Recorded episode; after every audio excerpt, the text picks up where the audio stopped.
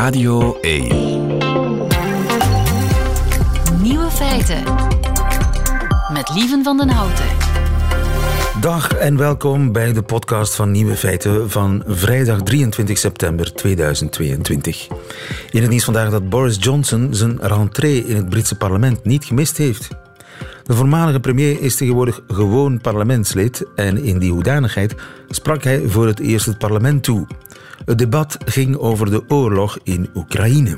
Thanks to the heroism of the Ukrainian armed forces. Thanks also, of course, to the inspirational leadership of, of Vladimir Putin. Uh, uh, inspirational leadership of uh, Volodymyr Zelensky. Ja, dankzij het inspirerende leiderschap van Poetin. Ehm, ik bedoel Zelensky. We gaan hem nog missen. De andere nieuwe feiten vandaag. Veel mensen verlangen tegenwoordig naar een prijslijst. Hoeveel kost een douche nemen, een bad nemen, een avondje tv, een wasmachine laten draaien? U krijgt van ons die prijslijst. Annelies Bontjes, correspondent in Brussel van het Nederlandse dagblad Trouw, verbaast zich over de benaderbaarheid van onze politici. In Japan leren robots lachen. Op vrijdag spelen we de Vrijdagquiz en Nico Dijkshoorn bekijkt de wereld in zijn middagjournaal. Veel plezier. Radio 1. Nieuwe feiten. Doucht u tegenwoordig korter? Ik anders wel, want ja, die teller loopt en het zit toch in je achterhoofd. Die woekerwinsten die gemaakt worden, door wie weet ik niet, maar ik gun ze het niet. Dat in elk geval. Maar wat ik daar nu mee bespaar met dat korter, efficiënter douchen, ik heb geen flauw idee, want wat kost een douche? Ik kom niet verder dan ergens tussen 5 cent en 5 euro. Maar uh, Alex Polvliet weet beter. Dag Alex, goedemiddag. Goedemiddag. Je bent energie-expert van uh, Zero Emission Solutions. Dat klinkt als een studiebureau gespecialiseerd in hernieuwbare energie en dat is het ook. Dat is het. Uh, wat is nu de grootste energieslok op in mijn huis, Alex? Uh, de verwarming van je woning. Dat is. dat zeg je zeer gedecideerd. Absoluut. 50 tot 55 procent van je energiefactuur gaat naar verwarming van, van je ruimtes, van, van je woning. Meer dan de helft gaat naar verwarming. En nummer twee? Ja. Nummer twee is sanitair warm water. Dus met andere woorden, het warm water dat je gebruikt om te douchen bijvoorbeeld. Aha. Ja.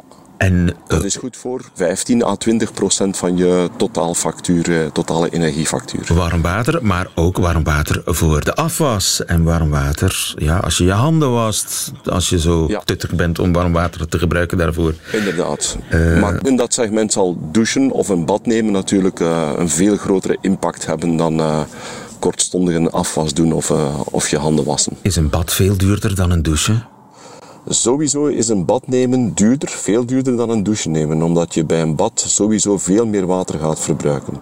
Ja, en dan heb je niet alleen de, de prijs van het water, maar ook voor, en vooral de prijs van het verwarmen van dat water. Ja, ja je gaat uh, normaal liter een warm bad nemen met uh, opgewarmd water. En het is die energiekost die natuurlijk uh, aanzienlijk hoger is bij een bad, omdat veel meer water moet opgewarmd worden dan bij een douche. Ja, en een, een douche, hoeveel kost dat nu ongeveer aan dat energie? Hangt heel sterk ja, dat hangt heel sterk af van hoe je doucht. Hè. Met welke infrastructuur ga je een, een spaarkop gebruiken, dan wel een regendouche. Dat maakt al een groot verschil. En vooral ook de, de duurtijd, hoe lang je doucht, uh, maakt een heel groot verschil. Dus als we nu kijken naar uh, kortstondig douchen, een drietal minuten, dan moet volstaan om je, om je helemaal uh, weer netjes te hebben. kortstondig douchen met een spaardouchekop, dat kost ongeveer een halve euro per douchebeurt aan de huidige uh, energietarieven. Maar ja, neem je een uitgebreide douche, 10 minuten met een regendouche, dan ga je al snel naar 2 euro, hè, anderhalve tot 2 euro per douchebeurt. Dus ja, de vork is redelijk uitgebreid naar, naar gelang de duur en de kop van de douche. Ja, absoluut, absoluut. En als je dan de totaalrekening op jaarbasis maakt voor een gezin met, uh, met vier personen bijvoorbeeld, ja, dan kom je al snel aan vele honderden euro tot ja. bijna duizend euro alleen alleen daarvoor. Dus daar kun je eigenlijk toch wel veel winnen. Als je korter doucht, als je een andere douchekop gebruikt, daar, daar valt echt veel te halen. Ja, ja, daar kan je eigenlijk vrij eenvoudig eh, een, een flinke besparing mee, mee realiseren. Ja, want het scheelt al gauw. Je zit ergens in een vork tussen, tussen 50 cent en, en, en 2 euro, zeg maar. Naar gelang je Ja, zeer luxueus en overvloedig doucht, dan wel zeer efficiënt. Ja, en dan hebben we het alleen maar over de energiekost om dat water op te warmen. Ja. nog niet over het waterverbruik als dusdanig of de verwarming van de badkamer. Eh, wat dat betreft een, een kleine tip. Eh, ga die badkamer niet eh, ja, meer gaan verwarmen, maar hou je handdoek bij de hand op het moment dat je stopt met douchen. Neem je die handdoek, maar je blijft in de douchecabine staan omdat die nog lekker warm is. Je droogt je af en dan kom, kom je pas de kamer in, bij wijze van spreken. Het is simpel, maar je moet erop komen, hè, Alex? Ja, je moet er gewoon aan denken, een Zeg, beetje en- aandacht en aan besteden. Een, een wasje draaien, hoeveel kost dat een, een, in, in de wasmachine? Eh, een, eh, het gebruik van een wasmachine is eigenlijk eh, ja, vrij verwaarloosbaar. Komen we op een kost van een eh, 0,06 euro, dus eh, 60 cent. Zes cent, Eh, 0,06 eh, of- 6 cent. Zes cent? uiteraard. Zes Eh, cent per, voor een wasbeurt. ja. Wauw. Ja. Dus dat valt wel mee. Uiteraard op voorwaarde dat je het eco-spaarprogramma gebruikt. Want eh, dat verbruikt maar ongeveer de helft van bijvoorbeeld het zogenaamde kookwasprogramma. Ja, ja. Ik was altijd op 40 graden. Ja, inderdaad. Eh, dus als je wast op 40 graden is veel zuiniger dan, dan wanneer je aan 90 graden gaat wassen. En dat maakt het grote verschil, de temperatuur van het water. Niet, niet het Ja, zwieren en zo, want dat is toch een Ja, ook wel een elektromotor. beetje. Eh, dus bijvoorbeeld een, een was eh, van katoenen, kledingstukken, neemt meer water op, dus is zwaarder. En dus bij het zwieren moet daar veel meer water uitgeperst worden of uitgezwierd worden. En dat kost natuurlijk veel meer energie dan eh, ja, andere stoffen die minder water eh, Maar opnemen. daar zit niet de, de zware kost in het wasjes draaien. En, en als je de afwas doet, wat, wat is nu duurder? Want dat is een discussie in veel families. Met de handwassen of de vaatwasser? Het klinkt vreemd, maar de vaatwasser is eigenlijk zuiniger. Verbruikt minder water en verbruikt dus ook minder energie, omdat er minder water moet worden. Eh, een vaatwasser verbruikt ongeveer per beurt, ook opnieuw in een eco-programma, ongeveer 10 eh, liter. En als je met de hand eh, een, de, de pompbak, de vaatwasbak, gaat vullen, dan eh, ga je daar ook 10 liter voor moeten gebruiken. Alleen eh, een vaatwasmachine, daarmee kan je eigenlijk drie vaatwasbeurten eh, in één gaan combineren. En hoef je dus niet drie keer je, je pompsteen te gaan, eh, te gaan vullen. En Dus je doet ongeveer een besparing van, van een derde door die, door die vaatwasser. ik ben heel blij dat die knop is doorgehakt, Alex. Eh, Een gsm opladen, eh, kost dat veel? Dat is verwaarloosbaar. We hebben dat berekend, dat kost op jaarbasis ongeveer 3 euro. Dus dat is echt eh, verwaarloosbaar. De batterij van je gsm heeft slechts 15 watt. Ja. Dus eh, als je die elke dag gaat opladen vanuit, de leeg, eh, vanuit lege toestand, dan gaat je dat maximum 3 euro kosten aan huidige energietarieven. Per jaar wel te verstaan. Ja. Dus daar hoeven we niet naar te kijken. Televisie kijken. Dat denk ik soms, hoeveel, hoeveel, hoeveel zit ik hier te verbruiken als ik naar Pulp-TV zit te kijken? ook dat eh, valt heel goed mee. Eh, de kost om naar televisie te kijken, eh laat ons zeggen twee uur televisie op een avond, gaat je een kost opleveren van ja, een, een 2 cent voor twee uur. Dus dat is echt verwaarloosbaar. Ehm, maar veel vreemd, niet naar televisie eh, kijken kan u meer kosten. Ik verklaar mij nader, want dat klinkt natuurlijk heel bizar. De meeste mensen gaan hun televisie de hele tijd op standby eh modus zetten. Eh, Je weet wel, het rode lichtje blijft branden. En dus dat sluipverbruik voor al die uren dat je niet naar televisie kijkt, dat kost je op jaar aan de huidige tarieven 125 euro. Dus met een boetade kan je zeggen, niet naar televisie kijken is duurder dan naar televisie kijken. Ja, inderdaad. Dat is natuurlijk letterlijk, niet, niet echt letterlijk zo, maar we betalen veel meer aan niet-televisie kijken dan aan televisie kijken. Klopt. Omdat we dus, eh, en moeten we dan de stekker uittrekken? Is dat het idee? Dan moet je echt de stekker uittrekken, inderdaad. Maar het is eigenlijk een simpel gebaar. Het, kost, het, het kan je 125 euro per jaar opleveren. Ja. Kun je ja. lekker mee gaan eten, hè? Je hebt ook van die stekkerdozen waar een knop, een uitknop eh, op zit. Dus dat is dan nog eenvoudiger. Ja. Dan moet je gewoon op de knop duwen. Gewoon op de knop duwen, zeg. Dat zal de... wat heel weinig mensen weten is uh, als je je televisie of je radio luider zet, dat je meer energie verbruikt. Weinig mensen beseffen dat. Dus de hele tijd heel luid naar, uh, naar muziek of wat dan ook. Uh, daar daar, zit nog, daar kan nog bespaard worden.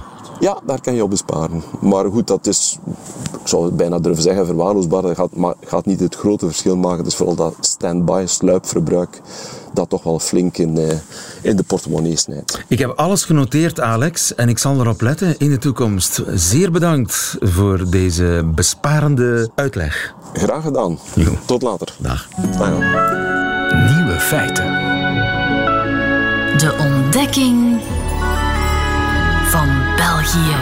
Door Annelies Bontjes, de vrouw van Trouw in Brussel, in België. De correspondent voor de, de Nederlandse krant uh, Trouw. Goedemiddag, Annelies. Ja, goedemiddag, hallo. In maand vijf zit jij, hè? Ik zit in maand vijf, Van ja. je ontdekkingstocht ja. van Amsterdam naar de Marollen in Brussel. en bij uitbreiding, bij uitbreiding naar België. Wat is je deze week opgevallen? Um, nou, wat mij deze week opviel is... Um, ik had deze week voor het eerst een interview met een Vlaamse minister. Echt waar? Ja, en uh, dat was heel leuk. Uh, wat mij namelijk opviel was namelijk hoe ontzettend benaderbaar zij was. ja. Hoezo uh, benaderbaar? Je belt een minister. Je bent journalist, je belt de minister. Ja, en toen kreeg ik gewoon een interview en uh, dat was eigenlijk heel snel geregeld. Uh, het ging om minister Zual Demir. Uh, en je kon die gewoon bellen op haar mobiel? Nee, ik heb wel de woordvoerder gebeld. Dat ben ik gewoon zo gewend. Ja. dat dat via een woordvoerder gaat en die maakt dan een afspraak. En... nou, we hadden een heel leuk interview. Het hoefde ook niet uh, op het bureau, maar uh, we hebben buiten afgesproken. We hebben een wandeling gemaakt over de hei uh, bij Genk, waar ze vandaan komt. En we hadden we anderhalf uur de tijd en ik mocht vragen wat ik wilde. En ze was heel open en ze droeg een spijkerbroek en wandelschoenen. Je vond dat vreemd? Ja, dat vond ik allemaal... ja, dat verraste mij wel een beetje eigenlijk. Minister in spijkerbroek? ja, had ik toch niet helemaal verwacht. Nee? Nee. Nee. nee. Wacht even, ik zie, ik probeer Mark Rutte in Spijkerbroek. Ja. En dat, dat doet hij wel eens. Op dat ontspannen overleg op het katshuis. Komt hij wel eens op de fiets in Spijkerbroek? Ja, maar precies, dat doet hij wel eens. Dat is wel uitzonderlijk. Ik had niet verwacht toen... Uh, Als je Mark Rutte interviewt, zal hij nooit een Spijkerbroek dragen. Nou, dat zou mij ontzettend verbazen, inderdaad. Sigrid Kaag in elk geval niet. Nee, nee die sowieso niet. Nee. Sowieso, nee. Er is nog een verschil tussen mannelijke en vrouwelijke politici. Nou, ik denk wel dat ze zich op een andere manier misschien presenteren. Maar het valt me gewoon in het algemeen op dat de politici hier veel zichtbaarder zijn, benaderbaar. Als ik, uh, ik kijk nu vaak naar ter zake natuurlijk en de afspraken. En dat bijvoorbeeld ook premier De Croo daar gewoon heel regelmatig wel aanschuift om zijn beleid uit te leggen. En ja, uh, nogmaals, je begon over Mark Rutte, maar die, die zie ik nooit bij uh, de Nederlandse talkshows verschijnen eigenlijk. Inderdaad. Ja, dus dat ook is... niet in Nieuwsuur. Als, als er verkiezingen is, misschien. Ja, als er verkiezingen zijn. Ja, als er verkiezingen zijn, dan ineens wel. En, uh, maar, maar verder nooit. Um, Gek, en bijvoorbeeld ja. ook Tom van Grieken van Vlaams Belang, die komt hier ook gewoon op tv. Nou, Geert Wilders, die, die gaat nooit in op uitnodigingen in Nederland. Die zie je echt niet. Dus dat is maar wel. Het is een kwestie van niet. Dus ze willen eigenlijk niet in Nederland op de televisie. Of ze worden niet gevraagd. Van Geert Wilders weet ik zeker dat hij wordt gevraagd en dat hij niet wil. Dat is ook algemeen bekend. En hoe dat met Mark Rutte zit, ja, dat, je ziet ze gewoon niet. Uh, dat er is, echt een, er is een, soort, een soort Chinese muur bijna ja, tussen, ja. tussen het publiek, met name ook de pers, en het beleid, de politici. Ja, nou, ik weet niet of je het zo hard moet stellen, maar het is wel zo dat er, ja, dat er gewoon enorme budgetten, bijvoorbeeld ook in Nederland, zijn voor de communicatie en de persvoorlichting. Uh, en daar wordt ook al over geklaagd hoor. Er werken ongeveer uh, 800 mensen op de departementen voor uh, persvoorlichting en communicatie. En die budgetten die nemen elk jaar alleen maar toe. De afgelopen vijf jaar met 34 procent, uh, had ik gelezen. Dus ja, dat laat wel zien hoe dichtgetimmerd netwerk dat is. Terwijl hier zie ik jullie politici in konijnenpakken dansen in entertainmentprogramma's uh, of dartpijltjes gooien. Uh, Darts, ja, want da ja. daar doet Zoal Demir toch ook aan mee, hè? ja, dat, ja. Dat vind jij heel bizar. Nou, dat, dat, maar dat is toch ook wel een beetje bizar, of niet? Ja, jawel, jawel, dat is wel een beetje bizar. Ja, ja, ja. ja. Zij heeft gewoon ontzettend complexe dossiers en dan nou, neemt ze de tijd om mee te doen aan zo'n programma. En ook om daarvoor te oefenen. En daar maakt ze ook geen geheim van. Ik weet niet of uh, onze minister van der Wal uh, haar uh, even knie dan daarmee weg zou komen in Nederland. Dat, dat zou tot een, een zware opstand leiden, of in ieder geval heel veel kritiek op Twitter en zo van. Ben je, heb jij geen ja, betere dingen nou ja, te doen Hier is ook dat? wel kritiek op, heb ik gezien. Ja. En uh, dat is natuurlijk, dat moet je ook niet ontkennen. En het is wel. Ik bedoel, ja, je krijgt sowieso aandacht en mensen zullen het leuk vinden en niet leuk. En je, je spreekt natuurlijk een ander electoraat aan door je te laten zien in zo'n programma. Dus ik snap ook wel dat het misschien iets kan opleveren. Maar dat, dat soort dingen zien wij gewoon in Nederland niet. Politici en entertainmentprogramma's. Ja. Gek hè, Michael van Drogenbroek, welkom. Goedemiddag. Goedemiddag. Hallo. Dat uh, grote verschil tussen de Nederlandse en de Vlaamse cultuur wat betreft ja, de wedstraat. Ja, dat, dat is wel al langer, denk ik. Hè. Dat, uh, ik, heb, ik heb een tijdje voor ter zake ook de Nederlandse politiek gevolgd. En daar heb je echt wel inderdaad de, de, de burchten van uh, woordvoerders en persvoorlichters en er een hele hoop waar je door moet. Uh, ik denk ook, toen was het toch zo dat dat niet mensen waren die, die dicht bij een politicus stonden, die, die als ambtenaar dat deden. Bij ons is een woordvoerder ja, bijna de, de schaduw van de politicus, waardoor je de politicus toch nog makkelijker kan bereiken via een woordvoerder. Dan had ik het gevoel, maar het gaat over 10, 15 jaar geleden, dat dat in Nederland was. Ga jij vaak eten met politici? Ja, uh, maar uh, ook los daarvan zijn ze inderdaad wel makkelijker bereikbaar, denk ik. Natuurlijk, dat komt ook omdat je ze dagelijks ook ziet en, en, en maar dat is in contact komt. Oei. Uh, dat is usance, hè? Dat, of, dat is een gebruik dat de wedstraatjournalisten die gaan regelmatig eten met politici. Ja, maar dat is ook... Dat ja, ja, er is natuurlijk een, een groot deel van, van nieuws dat ook informeel of, of, of afgetoetst wordt of, of gebracht wordt. Of je moet ook dingen... Ja, je proberen mensen te overtuigen om een interview te geven. Dus in, in, dat kader is dat. En krijg je dan informatie die je niet mag gebruiken, maar je krijgt ze wel? Zo van, kijk, ik zeg jou Soms. dat, in, in, maar onder voorwaarde dat je het niet... Uh... Ja, natuurlijk. Enfin, het is wel niet de bedoeling van, van uh, dingen te weten komen waar je dan nooit iets mee doet, maar, maar soms past het in het, uh, om dat dan niet meteen te brengen. Maar goh, dat, dat, dat lijkt nu alsof dat een grote complotten zijn, terwijl het dat niet is. Het is, het is ja, elkaar leren kennen en ook, ook weten wanneer je elkaar kan bereiken als je elkaar nodig hebt. Want dat is. Ik, heb, ik, zit op de stoel waar jij nu zit, twee jaar lang op de ochtend te presenteren. Dat was in een heel turbulente tijd dat er de regering aan het vallen was. Ja, dat was heel makkelijk, want mijn, mijn gsm lag gewoon naast me. Uh, en ja, als, als, als er iemand op een bepaalde dag iets, iets uh, wou, wou, zeggen en wij dachten dat niemand iets wou zeggen, dan had hij maar een sms'je te sturen of eentje te krijgen. Uh, ik weet, op een bepaald moment was het uh, echt crisis en, en, kregen we niemand te pakken. En ik zei dat ook op antenne en dan kreeg ik sms'jes van uh, Serve Herstraat en Patrick de Welk. Ik had nooit vergeten, die hier in de file stonden op Meizerplein. Van, wij willen wel iets zeggen. En ik zei, ja. kom af. En die zijn meteen naar hier gekomen ook. Wow. Dus dat zijn wel ik, dingen die ik, dan helpen als je ze Ik zie hier oren flapperen. Nou, het, dat, dat uh, soort zeer bijna intieme contacten. Hey. Ja, dat is het niet vooral. Nee, het blijft wel professionele contacten. Het maar je zijn, hebt rechtstreeks toe. Ja. Ja, maar die app, die politici, die appen jou dan of de woordvoerders, die appen jou? Alle, ik vind, er zijn ook woordvoerders bij ons en, en als, je, als je een vraag stelt voor een interview, dan, dan ga je ja, geland uiteraard via een woordvoerder. Maar bijvoorbeeld 's morgens als je hier uh, zit en, en soms zeggen woordvoerders, horen woordvoerders ook te zeggen, wij zeggen niks, ja, dan loont het toch wel eens de moeite om bij een politicus te sturen, echt niet. Of ja. uh, kan je toch niet iets aangeven dat we dan, als je het zelf niet wil vertellen, dat we dan weten wat, uh, hoe de wind staat. Ja. Maar, maar het is misschien ook dat in Nederland werpen woordvoerders zich ook op als een soort van beschermheren mm -hmm. soms van die politici. Ja. Uh, is dat ook iets wat je hier zo ziet? Ook wel, maar aangezien ze de schaduw zijn en, en ook tot dezelfde politieke partij behoren uh, per definitie, want ze, ze, bij ons werken ze dan op het kabinet echt als, als een, ja, een vertrouweling ook echt van, van die politicus in kwestie, zijn ze, ja, zal de boodschap die, die een politicus wil geven vaak niet anders zijn ja. dan wat die woordvoerder goed, zegt. Ik, ik besluit dat uh, in Nederland de muur tussen de pers en de politiek veel hoger en dikker is dan in Vlaanderen. Ben je daar jaloers op, uh, Annelies? Dat dat hier minder is? Ja. Nou, dat is, dat is voor mij als journalist natuurlijk heel fijn. Dus uh, ik verwacht niet dat dit de maar bestaat dan niet het gevaar dat je elkaar te goed begint te kennen?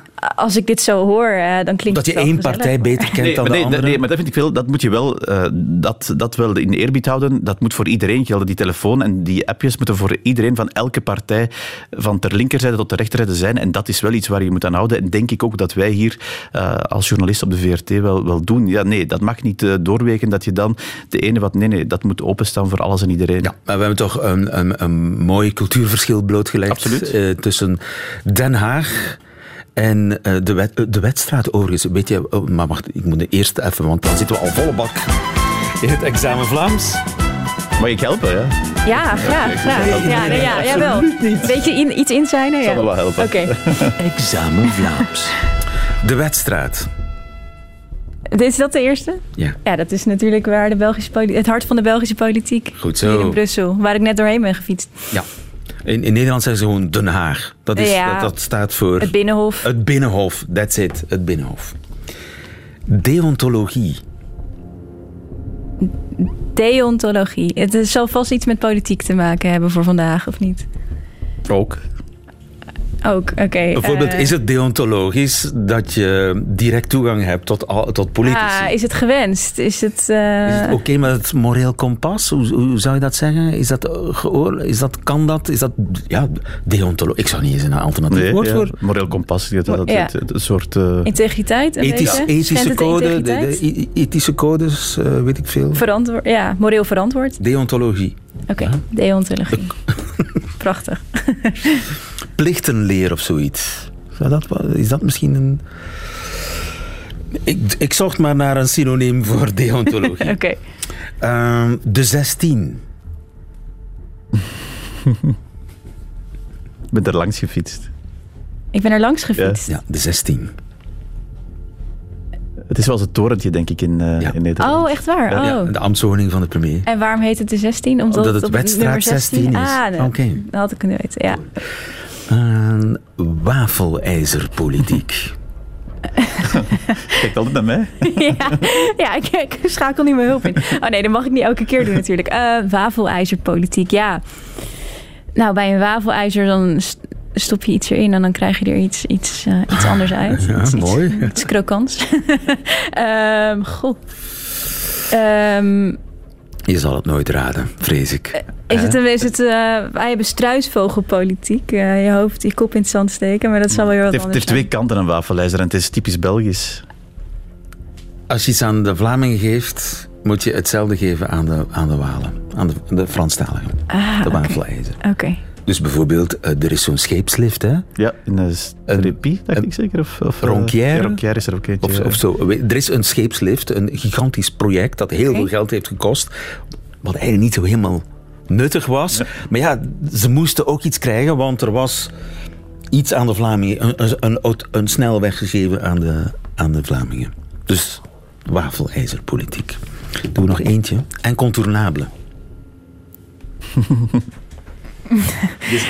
Incontournable. Incontournable. Incontournable. Het is eigenlijk gewoon Frans, maar Ja. goed, het, het wordt heel regelmatig gebruikt. Hè? Ehm, en een, een zinnetje, een beetje context. Een partij kan incontournable zijn. Eh, dat ze niet eh, niks, niks uit de weg gaan of zo. Eh, Als je zo groot bent, of groot genoeg bent om noodzakelijk te zijn, dat ze, dat ze als ze een, een meerderheid moeten vormen Ah, of willen vormen, dat je noodzakelijk bent. Oké. Zonder, zonder die partij kunnen we geen niet. regering vormen. Die partij is met andere woorden Dus incontournable. dit woord ga ik volgend jaar nog... eh, Absoluut. Heel, heel meer dan je lief is. Dankjewel Annelies Boontjes en dankjewel. tot volgende week. En dankjewel ook Michael van der Met plezier. Radio 1. Nieuwe feiten. Robots kunnen al veel, maar nu moeten ze ook leren lachen. En dat is, sorry, geen lachertje. Jeroen Baert, goedemiddag. Goedemiddag. Je bent ingenieur, je bent computerwetenschapper, je bent comedian, je bent eh nerdlander. Je maakt deel uit van Nerdland, de podcast over eh, wetenschappen. In Japan heeft ene Erika leren lachen. Wie is Erika? Wel, Erika is een, een robot aan de Universiteit van Kyoto en eh, het team onderzoekers daarachter wil die eigenlijk eh, leren lachen op de juiste momenten tijdens een conversatie om de natuurlijke conversatie tussen mensen en AI-systemen te bevorderen. Laten we eens luisteren hoe, dat, hoe de lessen vorderen. まあ仕方ないですよね。 Oh, dat is, 仕事ですかはい。 dat is で Erika. まあ、それであの Dat is Erika. 半分 En nu 力 horen 仕 we 事なんで、 een まあ半分以 wetenschapper 上ですね。 een praatje maken.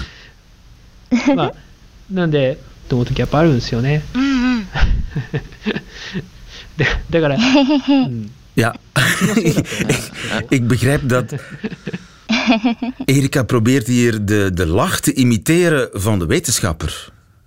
Ja, ehm, eh, mensen denken misschien thuis van ja, dat is toch gemakkelijk lachen. Iemand vertelt een mop en je lacht, maar lachen in conversatie heeft zoveel andere eh, eh, vormen en betekenis. Eh, sa- echt samen lachen in een conversatie is niet iets dat vaak voorkomt. Eh, het, het systeem moet uitzoeken wanneer er gelachen mag worden, wanneer je mag meedoen en welke soort lach. Je hebt een kleine grinnik, je hebt luidkeels lachen, je hebt de, eh, de, de eiland Alain van Dam eh, hikkende lach. Ehm, er zijn verschillende manieren waarop dat lachen in een, in een conversatie empathie kan uitdrukken. En wat dat we eigenlijk horen is, ze hebben 80, 80 mannen laten speeddaten met de robot. En die robot die werd tijdens het speeddaten nog bestuurd door eh, een vrouwelijke operator. Dus ze waren eigenlijk aan het daten met de robot, die dat dan bestuurd werd door een vrouw. En al die gesprekken zijn opgenomen en die zijn dan door een neuraal systeem eh, bekeken. Wat als een neuraal systeem doet, dat is eigenlijk AI en je zegt van kijk, zo moet het. en dan in de hoop dat hij patronen herkent, waardoor hij het later... eh, ja, ik heb het, het neuraal systeem eventjes gegenderd, maar laat ons zeggen dat het neuraal systeem dan later kan zien oké, ik heb patronen gezien, eh, zo moet ik lachen. Ehm, maar je moet goed weten, dat neuraal systeem, dat begrijpt geen taal. Dat zoekt naar patronen, dat zoekt naar een cadans, dat zoekt naar een verandering in stemtimbre, in volume, waaruit het kan afleiden van oké, dit is hier doen mensen dit. Eh, en dan hebben ze achteraf drie systemen gebouwd. Eh, Erika die altijd lacht als het een lach detecteert. Erika die nooit lacht. En dan, dus dat zijn de twee uitersten eh, om, om te kalibreren. En dan Erika die probeert op de juiste momenten te lachen tijdens een gesprek. Ja, en, en ja, het systeem werkt. Alleen, ja, en hier heb ik een flauwe woordmop, je gaat ze moeten ondergaan. Er zijn nog euveltjes van Erika. Zeer goed.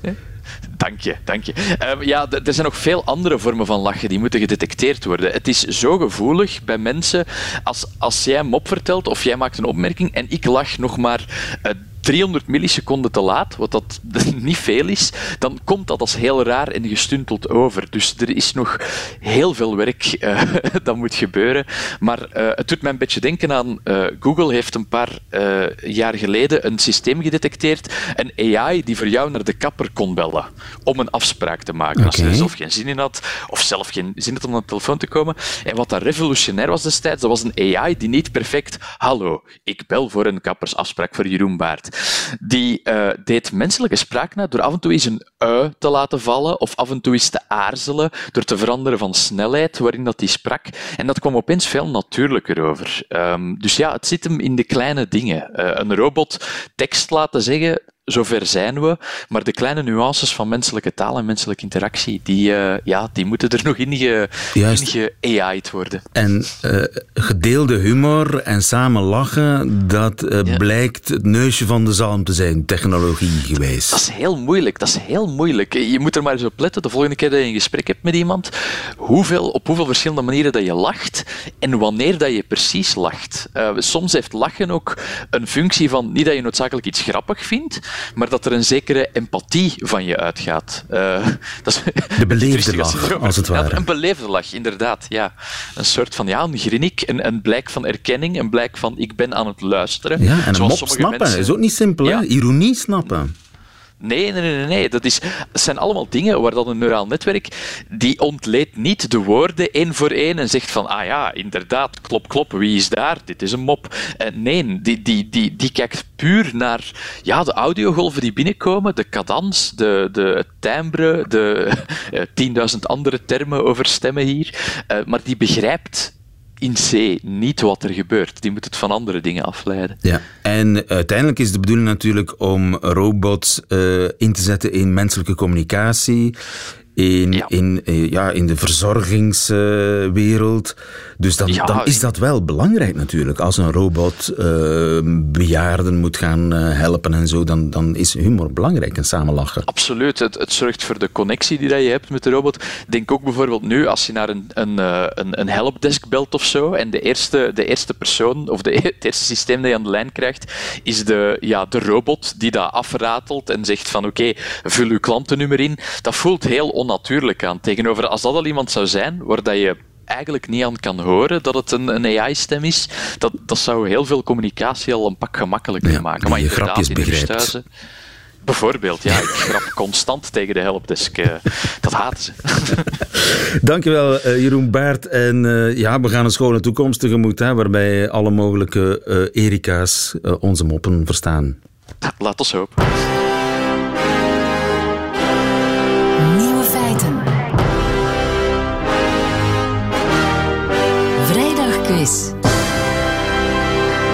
Ja, genoeg gelachen. We gaan meteen quizzen. Dag, Gilles Wijkmans. Goedemiddag. De samensteller van de meedogenloze vrijdagquiz van Nieuwe Feiten. We spelen voor eh, een boekenbon ter waarde van 25 euro te verzilveren bij de onafhankelijke boekhandelaar aangesloten bij Confituur. We hebben als kandidaat een Peggy Piret uit Roosdaal. Goedemiddag, Peggy. Goedemiddag. Hallo. Waar was jij mee bezig, Peggy? Ik zat in de auto. Ik eh, ben op weg naar Bertrie. We gaan op weekend. We Op weekend naar Bertrie. Geweldig. Eh, Peggy, ik wou dat ik met je mee kon. Jonas, goedemiddag. Hey, goedemiddag. Dag, eh, Jo- lieve. Jonas, wat was jij aan het doen? Eh, iets minder gezellig dan met Peggy, maar ik was aan het werk. Ook in de auto, ik ben een vertegenwoordiger. Ehm, maar straks ga ik ook het, het weekend in, dus... eh, En wat, wat of wie vertegenwoordig je? Ik eh, mag het eh, leuke merk uh, Alken Maas vertegenwoordigen. Ik verkoop bier, dagdagelijks. En, en wat was je familienaam ook alweer? Moordgat. sorry, sorry. Ik kon, ik kon hem moeilijk laten liggen. Ik wil het even verduidelijken, ik ben geen familie. Dus eh, er zijn geen eh spionagetoestanden aan de hand of zo. Oké, ik ga jullie kennis testen van vier nieuwe feiten. Ik begin bij Peggy, die zich het eerst heeft gemeld. Zolang zij juist antwoordt, blijft zij aan de beurt. Bij een fout antwoord gaat de beurt naar Jonas. En wie het laatste nieuwe feit goed kent, die wint deze vrijdagquiz. Peggy, wat weegt volgens nieuwe berekeningen 12 miljoen kilo? A. Buckingham Palace. B. De jaarlijkse braadworstproductie van Duitsland. C. Alle mieren ter wereld. C, ik zeg C. Wauw. Dat is helemaal goed. Welke regel voerde Zoom in voor werknemers? A. Op woensdag is het verboden te videobellen. B. Werken op kantoor is verboden tenzij je een tractatie meeneemt. C. Alle vergaderingen moeten via Zoom, ook als iedereen op kantoor is. Peggy. B, denk ik. Ah. Jonas, Jonas, Jonas, Jonas komt in de wedstrijd. Ik denk A. Je denkt A. Dat is helemaal goed. Gilles? Ja, inderdaad. Zoom vindt het belangrijk dat hun werknemers mentale rust krijgen en af en toe ook eens werken. Ah, voilà. Jonas, ik ga met je door. Overigens, eh, het zijn dus alle mieren, hè? Die... Ja, alle, ja inderdaad, dat hebben we even overgeslagen. De onderzoekers hebben berekend hoeveel mieren er ter wereld zijn. Dat zijn er eh 20 biljard, wat ongeveer eh 20 miljoen miljard is. En die wegen dus samen 12 miljoen kilogram. Alle zoogdieren samen ter wereld wegen 12, eh, 10 miljoen kilogram. Wauw. Ja. Niet te geloven. Vraag 3 is voor Jonas. Op eh, TikTokkers die waarschuwen voor beige vlaggen op dating-apps. Maar wat betekent een beige vlag? Ik weet wat een rode vlag betekent. Gilles, maar wat is een beige vlag? A. Dat een potentiële date nog bij zijn moeder woont. B. Dat die persoon onnoemelijk saai is. C. Dat die persoon ouder is dan wordt beweerd. Ik gok C. Fout. Peggy, wat bedoelen mensen als ze zeggen dat is een beige vlag A. in datingcontext? Fout. Nee! Gilles. Nee, dat die persoon inderdaad saai is. Ja, beige natuurlijk, heel saai is. Op, in datingapps wordt er soms gesproken van rode vlaggen, waarvoor jou bijvoorbeeld een teken kan zijn dat die date niks voor jou is. Bijvoorbeeld, die persoon is getrouwd, dat is voor mij een rode vlag. Een beige vlag is dan bijvoorbeeld, die persoon heeft een te sterke mening over pindakaas, want dat heb je alleen als je onnoemelijk saai bent. En dat is dan een beige vlag voor jou. Slotvraag, Jonas. Hoe kan volgens Donald Trump een Amerikaanse president geheime documenten vrijgeven? Is dat A via telepathie, B door te bidden voor die documenten, C door een poll op Twitter te plaatsen met de vraag: moeten deze documenten vrijgegeven worden? Ehm goh, het blijft Trump, dus ik gok eh, C. Fout. Peggy, Ja. hoe denkt Donald Trump kan een Amerikaanse president geheime documenten vrijgeven? Ik ga voor B. Voor het bidden. Fout. Want het goede antwoord was via telepathie. Ja, absoluut. Donald Trump heeft net een Nog interview gekker, gegeven ja. met Fox News. Hè, en het ging dan over de documenten, de geheime documenten die bij hem thuis werden gevonden. En Donald Trump zei van ja, een Amerikaanse president hoeft zelfs niet te vragen om die documenten vrij te geven. Zelfs er gewoon aan denken dat die documenten vrijgegeven zijn of vrijgegeven zouden moeten worden, is genoeg om die documenten effectief vrij te maken. Dat was zijn verdediging. Ja, het FBI had maar moeten ruiken dat Donald Trump vond dat die documenten vrijgegeven Die vraag werd helaas niet geraden, maar dat betekent dat we wel een winnaar hebben van deze quiz.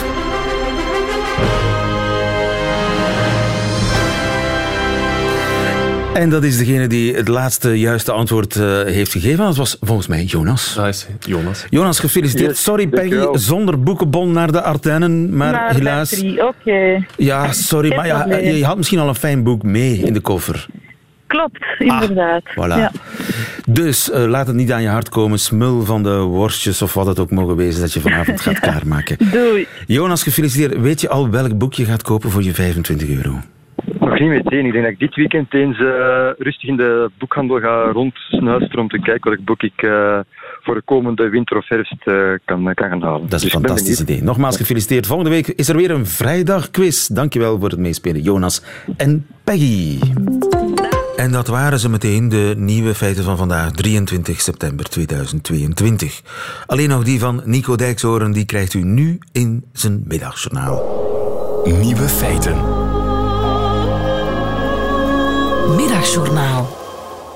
Beste luisteraars, sinds enkele weken draag ik baseballpetjes. En dat komt door mijn zoon. Hij praatte op mij in. Mijn zoon zei: Ouwe, je moet petjes gaan dragen. Dat staat je keihard. Je hebt een petjeshoofd, absoluut. Veel mensen hebben geen petjeshoofd, maar jij, jij pa, ik zeg het je, petjeshoofd in optima forma. Doe nou gewoon. Doe nou gewoon. Hier, kijk. Je kan ze hier bestellen op deze website. Kijk eens aan. Kijk eens aan. Ja, ik heb gelijk. Je ziet er niet uit, maar zonder petje. Je loopt eigenlijk al je hele leven lang als een fles zonder dop in de ronde. Er mist iets en ik weet nu wat het is en ik ga je het zeggen ook. Jouw hoofd verdient een petje, zei ik hardop. De pettalk van mijn zoon had effect. Het ging zoals het altijd gaat wanneer ik dingen bestel op internet. Ik bestelde er meteen vijf.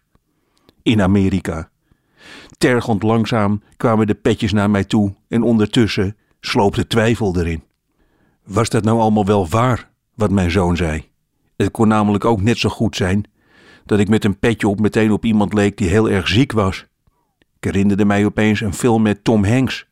Die droeg ook een petje. En onder dat petje zag je hem langzaam sterven.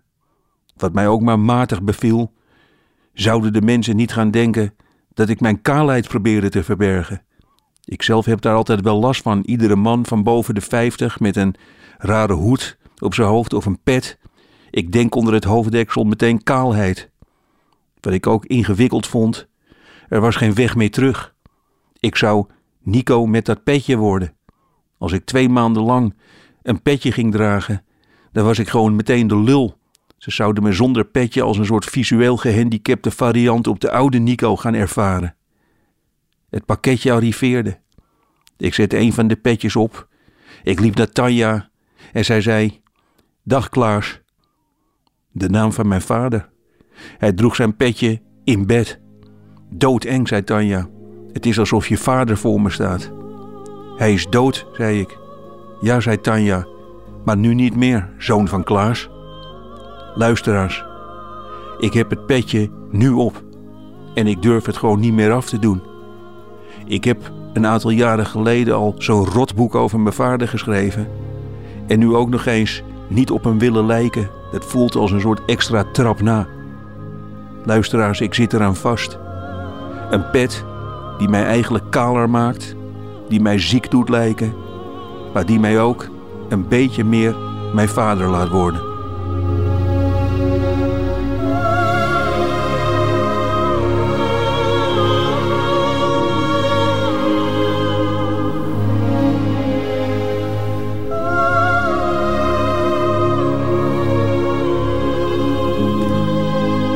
Middagjournaal met Nico Dijkshoorn. Einde van deze podcast. Hoort u liever de volledige nieuwe feiten uitzending met de muziek erbij? Dat kan natuurlijk live elke werkdag tussen 12 en 1 of on demand via de Radio 1 app of website. Tot